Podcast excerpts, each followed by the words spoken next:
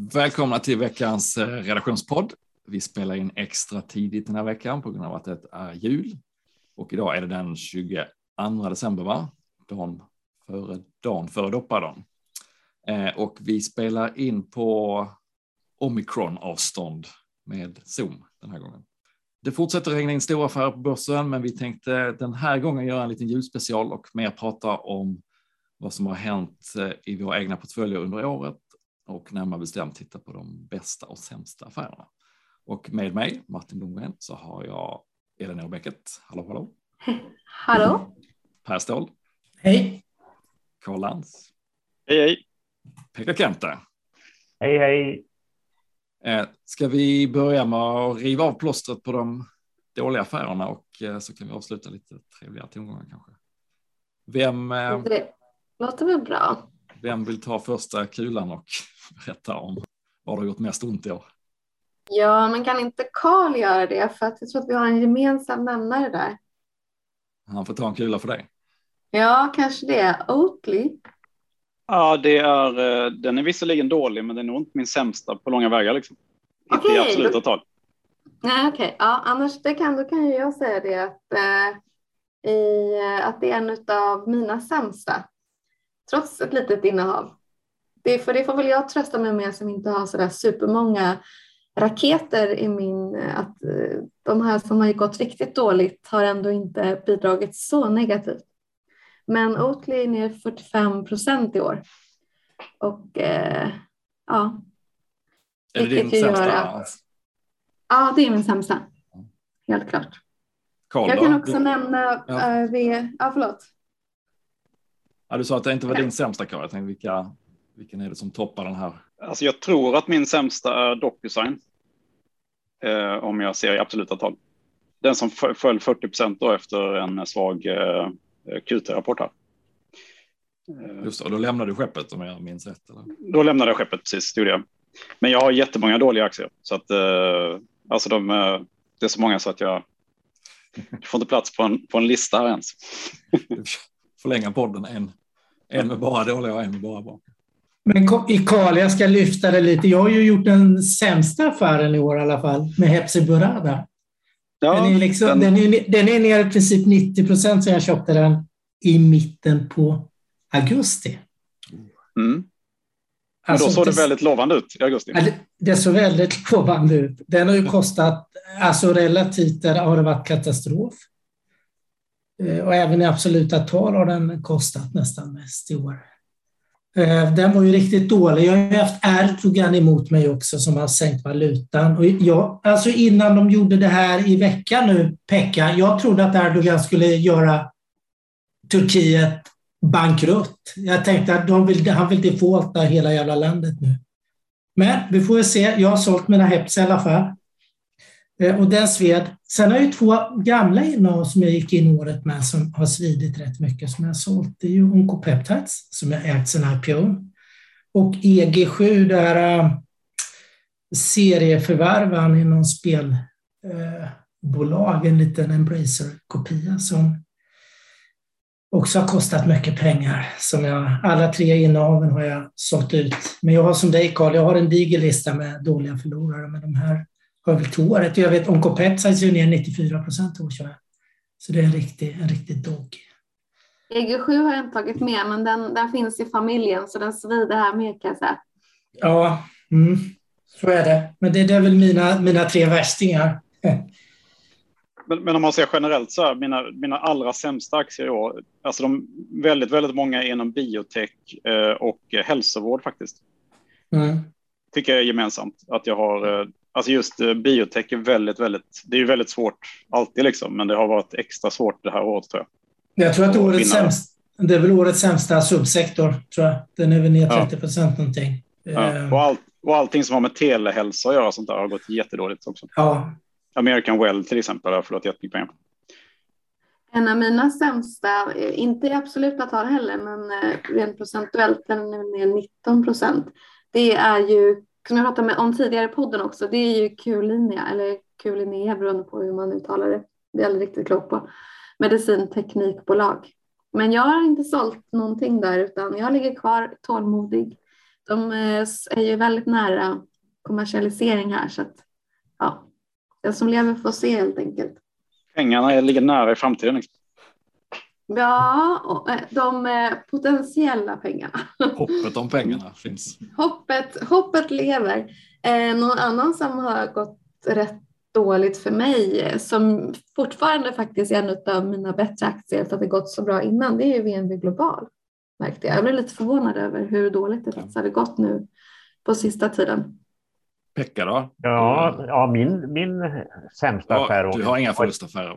Jo då, jo då. Men mitt, säm, min sämsta, eh, mitt sämsta beslut var ett eh, strategibeslut som jag gjorde i slutet på mars efter att min privata portfölj hade tokrösat i inledningen av året. så hoppade jag av många aktier eh, i bland annat i Sverige. Så att jag trodde inte längre på Sverige. Så jag köpte på mig en del tyska aktier bland annat. Och det har inte varit någon rolig resa. Några finska. Tokmanni eh, har ju visat sig gå väldigt Tokigt. dåligt. Mm. Eh, väldigt tråkigt, ja. Och sen eh, Lufthansa räddades lite av en ny emission i och för sig som man, man kom in på till låg kurs. Men eh, det är också en eh, dålig aktie. Jag tror på en vändning. Så jag har, jag har det kvar. Och den mest Det var, det var en luftgrop kan man säga. Ja, precis. Och den mest frustrerande aktien, om ändå inte den sämsta, är Varta. Som har hoppat upp och ner och som jag tänker att jag ska, jag tänker att jag ska kliva av, men, men sen stiger den några procent och så tror jag att nu har vändningen kommit. sen dagen efter så är det ner igen. Ja. ja, för min del så har jag två som är ganska dött lopp mellan som båda är ner ungefär 40-44 procent. Den ena är Kambi, sportboksunderleverantören då, som har jag sålt. Eh, och det var ju, tyckte jag och de flesta andra väl att det var ett superspännande case på att amerikanska spelmarknaden höll på att öppna upp, att allt fler stater skulle då lämna ut licenser för sportspel. Eh, och det som hände var ju att många av operatörerna då istället för att teckna nya avtal med Kambi bestämde sig för att ta in sportböckerna i egen regi och köpa upp eh, andra bolag eller att bygga upp det själv. Så att där försvann ju lite av förtroendet för den tillväxtresan som de skulle göra i USA. Så att där hoppade jag av. Jag tyckte att argumenten för eh, caset hade förändrats lite för mycket och tog smällen där på drygt 40 procent.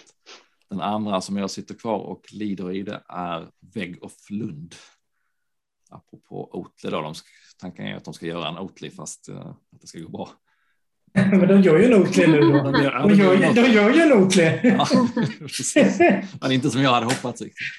Eh, nej, men de är ju på, de gör ju eh, mjölkalternativ fast med potatis istället för havre väl som Oatly har och är mycket tidigare i fasen. De ska precis lansera och fått operationellt ser det ändå ut att gå väldigt mycket som planerat. De tar en massa distributionsavtal i UK och Sverige och de ska lansera i USA nästa år. Men eh, det händer också saker som är lite svåra att eh, tycka om. Och vdn till exempel slutade nu här veckan efter bara fem, sex månader på posten. Eh, Vilket verkar vara lite o, oenighet med styrelsen om, om strategin. Och det ska ju mycket till om man slutar som vd efter så kort tid i ett bolag som precis är på väg att lansera. Så att det där känns inte riktigt bra. Men eh, ja, jag sitter kvar och hoppas eh, att de ska göra en... en Han kanske inte gillar mjölken. Han kanske inte gillar mjölken. Jag hoppas att någon annan gör det. Ja, men så den är också ner eh, 40 procent ungefär. Så att, mm. Skönjer skönjer en viss grad av Skånepatriotism. Egentligen inte skulle jag säga. Alltså, tanken är att de ska förhoppningsvis sälja lite utanför Lund också. Oatly är väl också skånskt, eller? Ja, Mm, absolut. Mm. Till och med i- från Landskrona. Liksom. Ja, Eller de har där. Stor produktionsanläggning i Landskrona, min hemstad. Eh, Okej, men ska vi, eh, ska vi gå vidare i livet och titta på det som har varit roligare? Mm. Bryta ihop och en- gå vidare. Vi Bryta ihop men jag kan också säga en som har gått väldigt dåligt för mig, det är ju Prosus. De äger Mm, väl precis. också några utav er. Mm. Apropå- till. Från och till. Eh, med tanke på, eh, jag tänker att det är väl fler som kanske har lite sådär inte så lyckade Kina, Kina-aktier i sina portföljer det här året. Nej, precis. Det är också en bra, jättebra poäng. Men eh, men eh, som är ju storägare i Tencent. Ja. Mm. Men nu, nu tycker jag vi går vidare till att prata om de lite roligare sakerna. Får vi se vem som har den aktien som har gått bäst då. Jag gissar på Karl. Karl, att Alltså, min- hitta dig både högst och lägst i listan. Ja, alltså jag, nu har vi inte en sån lista där vi jämför varandra då, men eh, utan det, det, nu kör jag med min, min egen, eh, så att säga, vad som har gått bäst hos mig då. Eh, Alltid en tävling. Absolut. Ja. Eh, Affirm är bäst hos mig. Eh, Klarna- och det är ju då Konkurrenten. Klarna-konkurrenten Buy Now Pay Later eh, som eh, kom till börsen på 49 dollar i eh, början på året. Eh, sen steg den snabbt till 140 dollar och sen föll den tillbaka till introduktionskursen igen och då ökade jag mycket. Och sen eh, steg den väldigt kraftigt här under hösten med avtal med, Go- med Amazon bland annat. Och då har jag valt att ta hem lite vinst i den och sen har den fallit tillbaka igen. Så nu har jag köpt tillbaka den igen det måste vara min absolut bästa affär i absoluta tal i år. Faktiskt. På alla, på alla ledder. Liksom. Mm. Och om vi summerar, vad betyder det procent i år? Då? Eh, Alltså bidrag Inte till... just för dig då, för aktien. Ja, alltså aktien har ju fallit tillbaka nu då, eh, så att, eh, men den har väl i alla fall eh, lite drygt dubblats har den ju sen introduktionskursen då, så den handlas lite över 100 dollar då. Men jag, jag själv sålde ungefär på 170 dollar. Snyggt. Mm. Mm. Well played. Mm. Ibland går det. Pekka du sålde en del men du satt kanske kvar i Ja, nej, men mitt, eh, min överlägset, överlägset bästa affär, både i procent och i absoluta tal, är ju Kindred. Som jag köpte i slutet av eh, förra året. Och eh, hade ju makalös uppgång under de Mm. årets tre första månader. Och där klev jag av på ungefär 150 kronor. Eller vad det kan ha varit. Och sen dess har det gått sidledes tills att den åkte på en rejäl smäll. Så där, Mm. Där lyckades jag verkligen tajma in en lysande Du- affär. Du hann ut innan den här Hollandsbomben. Ja, ja, ja, ja, jag sålde den någon gång i april. Så. Eh, den andra som gick väldigt bra i inledningen var i Balder. Men där skrev jag av alldeles för tidigt. För den har ju fortsatt uppåt. Men jag var med på fin resa där. Eh, den har ju också sålt, den har ju sålt då. Och sen föga förvånande Byggmax då, som Mm. pratar om, som eh, ja, har trummat på uppåt och tidvis gått sidledes, men eh, på det stora he- hela en väldigt lyckad affär. Ska jag dra mina, ut- ja, mina två. Det är samma där att jag har två som är nästan dött lopp uppåt faktiskt. Och den ena gissar jag att du också har Per. Och det är Nvidia, Mm. amerikanska Mm. chip, eh, grafikkorts eh, jätten som ju finns precis överallt där, där saker växer nu. Så att de ligger ju otroligt rätt positionerade. Eh, där är jag upp eh, 150 procent sedan jag köpte. Och jag har skalat av lite grann under året. Eh, tyvärr kan man säga, men å andra sidan har jag väl funderat på att sälja allt flera gånger, men tänkt att nu ska jag inte göra det för att jag har sålt vinnare för tidigt innan. Så att jag gläds åt att jag fortfarande är kvar. Och sen är det New Wave som jag är upp. Oh. Mm, köpte i början, i början februari tror jag första gången och eh, jag är upp 130 procent på innehavet, men då har jag ökat någon gång längs vägen så att jag tror faktiskt att den borde ligga kring 170 procent från första köpet upp. Och det är ju till viss del en liten multipel expansion, men framför allt att lönsamheten har eh, blivit otroligt mycket högre än tidigare och eh, kan de fortsätta ligga kvar på den här nivån så, så eh, vilket inte är helt otroligt, så ser de fortfarande ganska billiga ut. Så att där ligger också kvar. Så det är de två New- eh, pralinerna New Wave. i min, i min eh, ask. New Wave är ju, är min bästa backtrader-aktie kan man säga. Jag satt ju med eh, Baronen då, den före detta eh, eh, placerarkollegan i, för ett och ett halvt år sedan ungefär och pratade om att man borde köpa New Wave då när den stod i 25 kronor. Mm. Eh, för den låg där ett tag då eh, på förra sommaren. Liksom. Eh, så att, eh, men jag köpte aldrig, tyvärr. mm. Ja, den Den har var ju nära. värderingsmässigt lidit av att det var tufft under finanskrisen och eh, att de Mm. har mycket lager och så där. Men det är ju det som har gjort att de har kunnat leverera och hålla kunderna nöjda så att eh, nu får de man säga betalt för de här tio årens eh, nedtryckthet mm. när de bara mm. studsar upp som en, som en fjäder i, i baken på Torsten Jansson. Så det gläds vi åt.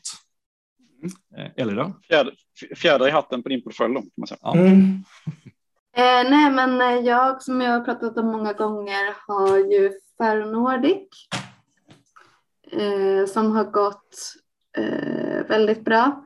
Den är väl upp ungefär 100 procent. Eh, trots det har den ju fortfarande blygsamma P tal på 15,5 procent och eh, trots att de har väldigt bra tillväxt så har de ändå en direktavkastning på över 2 procent och sådär. Så ja, en, eh, något, något att hålla i till nästa år helt klart. Eh, sen är det faktiskt också Enea som mm. har bidragit väldigt mycket till min portfölj. Inte heller någon sån här, eller den har väl inte någon sån här jättefin procentuell utveckling, men eh, jag har haft rätt mycket även om jag har då sålt lite på vägen nu när den har tagit lite för stor del. Um, och det tycker jag, det är inte så jättemånga som kände till den, uh, till det bolaget. De har ändå funnits sedan 1968. Mm. Uh, fast att de är mm. specialister på, på liksom, alltså telekommunikation och då alltså cybersäkerhet, en, som spås som en riktig 5G-vinnare. Det är ju ändå imponerande av ett sådant gammalt bolag som alltså funnits sedan TET-offensiven inleddes. Men annars så skulle jag väl säga att eh, Investor också har bidragit mycket, mm. men det är inte så kul att prata om. så ja. Tätt-offensiven var, var, var intressant. Mm. Datorn när det började. Mm. Ja, men jag bara tänkte att jag skulle sätta lite i perspektiv hur, hur länge det här eh, Enea har funnits. Också mm. lite rolig kuriosa, det är ju att de, var, de var de första att ta emot ett eh, e-postmeddelande i Sverige. Wow. Mm. Ja. Men de har haft lite kämpigt, eh, dels för att den här 5G-utbyggnaden har blivit eh, försenad i och med corona. Samtidigt som att andra trender i liksom, har varit i deras favör. Så det har inte bara varit eh, en coronaförlorare så. Mm. Men eh, ja, ja. Eh, får väl se lite förhoppningsfullt här inför eh, framtiden. Intressant. Jag ägde ju Enea mm. någon gång under IT-boomen kommer jag ihåg. Så mm. Typ 2001 någon gång kanske. Något sånt där. Jag kommer ihåg att jag, jag för mig att jag bottenfiskade den för ungefär 20 år sedan. Men det gick inte så bra då den gången. Nej, ja. Mm. Men det är ganska uh, glömt nu. Ja, Okej. Okay. Ja, tiden rinner iväg. Jag ska väl dra lite också. Och det är många vinnare du vill hinna med att dra? Eller? Nej, men Nvidia har jag ju med dig, kära Martin. Den har ju varit jättebra. Men Pekka, jag har en finsk vinnare i portföljen. QT Group, mjukvarubolaget, är upp 130 procent i år. Jag gick in i förra hösten, den är upp 260 på kanske 14 månader. Eh, men då har den backat från 180 euro ner till 130 igen. Men eh, jag är kvar i QT. Du pratar ju värdering, Elinor. Jag gör inte det. Mm, jag vågar inte ens titta på vad den är värd. Men finska undret går från klarhet till klarhet. Eh, sen har jag faktiskt två vinnare med helt olika karaktär. Det ena är Libe som är ägt sedan 2002, där jag har varit en ständig nettosäljare genom åren. Den är upp 90 procent i år, det är helt sjukt. Eh, sen är det SUS som jag har tradat bort mig i. Eh, det var ju en följetong i sommar här. SUS gick upp kraftigt, sålde av och sen gick in igen. Eh, den är, ägt, den är faktiskt tradat extremt mycket. Eh, med Carl Landstermer, 21 trader i den, Jag har varit med i princip från IPO hela vägen. Köpt och sålt, köpt och sålt. Skulle sannolikt bara ha köpt. Eh, men där är väl mina vinnare. Jag är kvar i SUS. Jag har på mig mer. Vi får väl se hur det, hur det blir med den saken. Annars är Microsoft är ju faktiskt mitt största innehav. Den är ju upp 50 procent i år, så den är väl faktiskt en av de bästa bidragsgivarna. Eh, men det behövs med tanke på mina förlorare som har tappat 90 procent i princip i år. En lärdom att uh, när man ser hur det har gått under ett år så här, man har ju ofta en del som har gått riktigt dåligt och en del som har gått mm. riktigt bra. Skulle man ska man ha en väldigt, väldigt smal portfölj eh, om man och någonting händer som man inte själv kan förutse så kan det gå väldigt dåligt. Så att, eh, mm. det finns för det. Det finns ju poänger med att man ska diversifiera till viss del i alla fall. Och jag vill inte sälja igen som Nibe och QT. Visst, det är högt värderat, men jag vet inte. Jag räknar väl inte med att de är vinnare nästa år. Men så kan det vara. De får väl hänga med. Och, eh, bara de inte kollapsar helt som en Hepsi så finns de där i portföljen. Allt kan ju inte gå upp samtidigt. Det är väl ett bevis på dagens övning. Var diversifierad. Man får väl, eh, men om man har några aktier som har gått riktigt bra så får man ju också slå ett slag för fonder. Mm. För att jag kikade lite på hur, när, man, när jag ändå satt där så kikade jag på lite hur vissa fonder har gått till exempel. Mm. Eh, Så är det ju alltså ganska imponerande. Eh, till exempel så hade jag någon uppgång, för jag har i, jag tror att det var min tjänstepension, har Länsförsäkringar fastighetsfond. Mm. Jag, sålde, jag hade den även i min vanliga portfölj men jag sålde av den. Den är ju ja, men så här, upp 49 procent. Liksom. Mm. Mm, är Till också en del, en del fonder som har gått väldigt bra. Så att, eh, det är bra poäng. Det är svårt att, det är svårt att slå index och det är svårt att slå en del duktiga fondförvaltare. Så att, eh, Men särskilt svenska småbolagsfonder har gått väldigt bra. Eh, Och Alltså- fastighetsfonderna då. Mm. Ja, Sm- Precis, småbolagsfonderna är också i topp eh, hos, eh, hos mig, men är också USA. Apropå, USA. de har Mm. jättemycket, då, jag menar, och tittar man på vad fonderna innehåller då så hittar vi ju Nvidia och Microsoft och de där där, så det är ju liksom Mm. inte så konstigt. Mm. Men eh, ja, ja, men det får man väl slå ett slag för så här. Apropå att vara diversifierad. mm. poäng. Ja, där har jag på fondsidan har jag en, en, en fond som har gå- gått bra som jag köpte, eller en ETF egentligen. Det är ju, jag köpte Östeuropa. ja. Mm. Och de gick väldigt bra. Nu har det ju backat lite eh, här med när omikron har kommit och lite andra problem. Där. Ukraina. Ganska... Ukraina. Mm. Men det var eh, en ganska rolig fond. Den har ändå gett en 30 procent eller någonting i år. Det tyckte jag var... Och 30 procent Mm. på ett år, det är ja, ju det är fantastiskt. helt fantastiskt. Man Ja. får inte glömma bort det.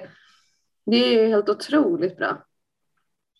Nej, nu går vi in i ett eh, år där kanske det blir lite annan dynamik. Nu har vi kanske hämtat igen eh, smällen efter, efter pandemin vi har 2020 så att det, när vi sitter här om ett år och summerar så kommer det säkert att, vara en helt annan dynamik som har styrt eh, 2022 jämfört med 2021. Det är ganska intressant att det är tillväxtaktier då. Alltså tillväxtbolag som inte har gjort vinst har ju backat något enormt sedan i Mm. februari. Eh, Det skulle ju, alltså många gånger så reverserar ju sådana trender. Eh, Så att eh, det skulle vara väldigt kul om det var att de bolagen börjar gå bra nu då när man börjar med eh, åtstramning kanske i central, hos centralbankerna. Eller, att Eh, de så börjar med vinst kanske. Ja, det- Men så, det kanske alltid är så, men visst känns det lite som att många av dem eh, som var de största förlorarna var de största vinnarna för något år sedan. Ja, det kan ju kan mycket väl bli så. Mm. Och det blir ju underägt och översålt det som är ute för tillfället och sen när trenden Mm. vänder så kan det gå snabbt. Det talar ju för biotech då till exempel. Biotech-sektorn om inte annat. Nästa år. Gaming tror jag också skulle kunna få ett litet uppsving. Mm. Mm. Ja, vi lär få många tillfällen att återkomma till vad som händer under 2022. Men ska vi eh, helt enkelt önska god jul och eh, tacka för att ni har lyssnat på det här avsnittet. Ja, god jul! God jul! God God jul. jul, kära lyssnare.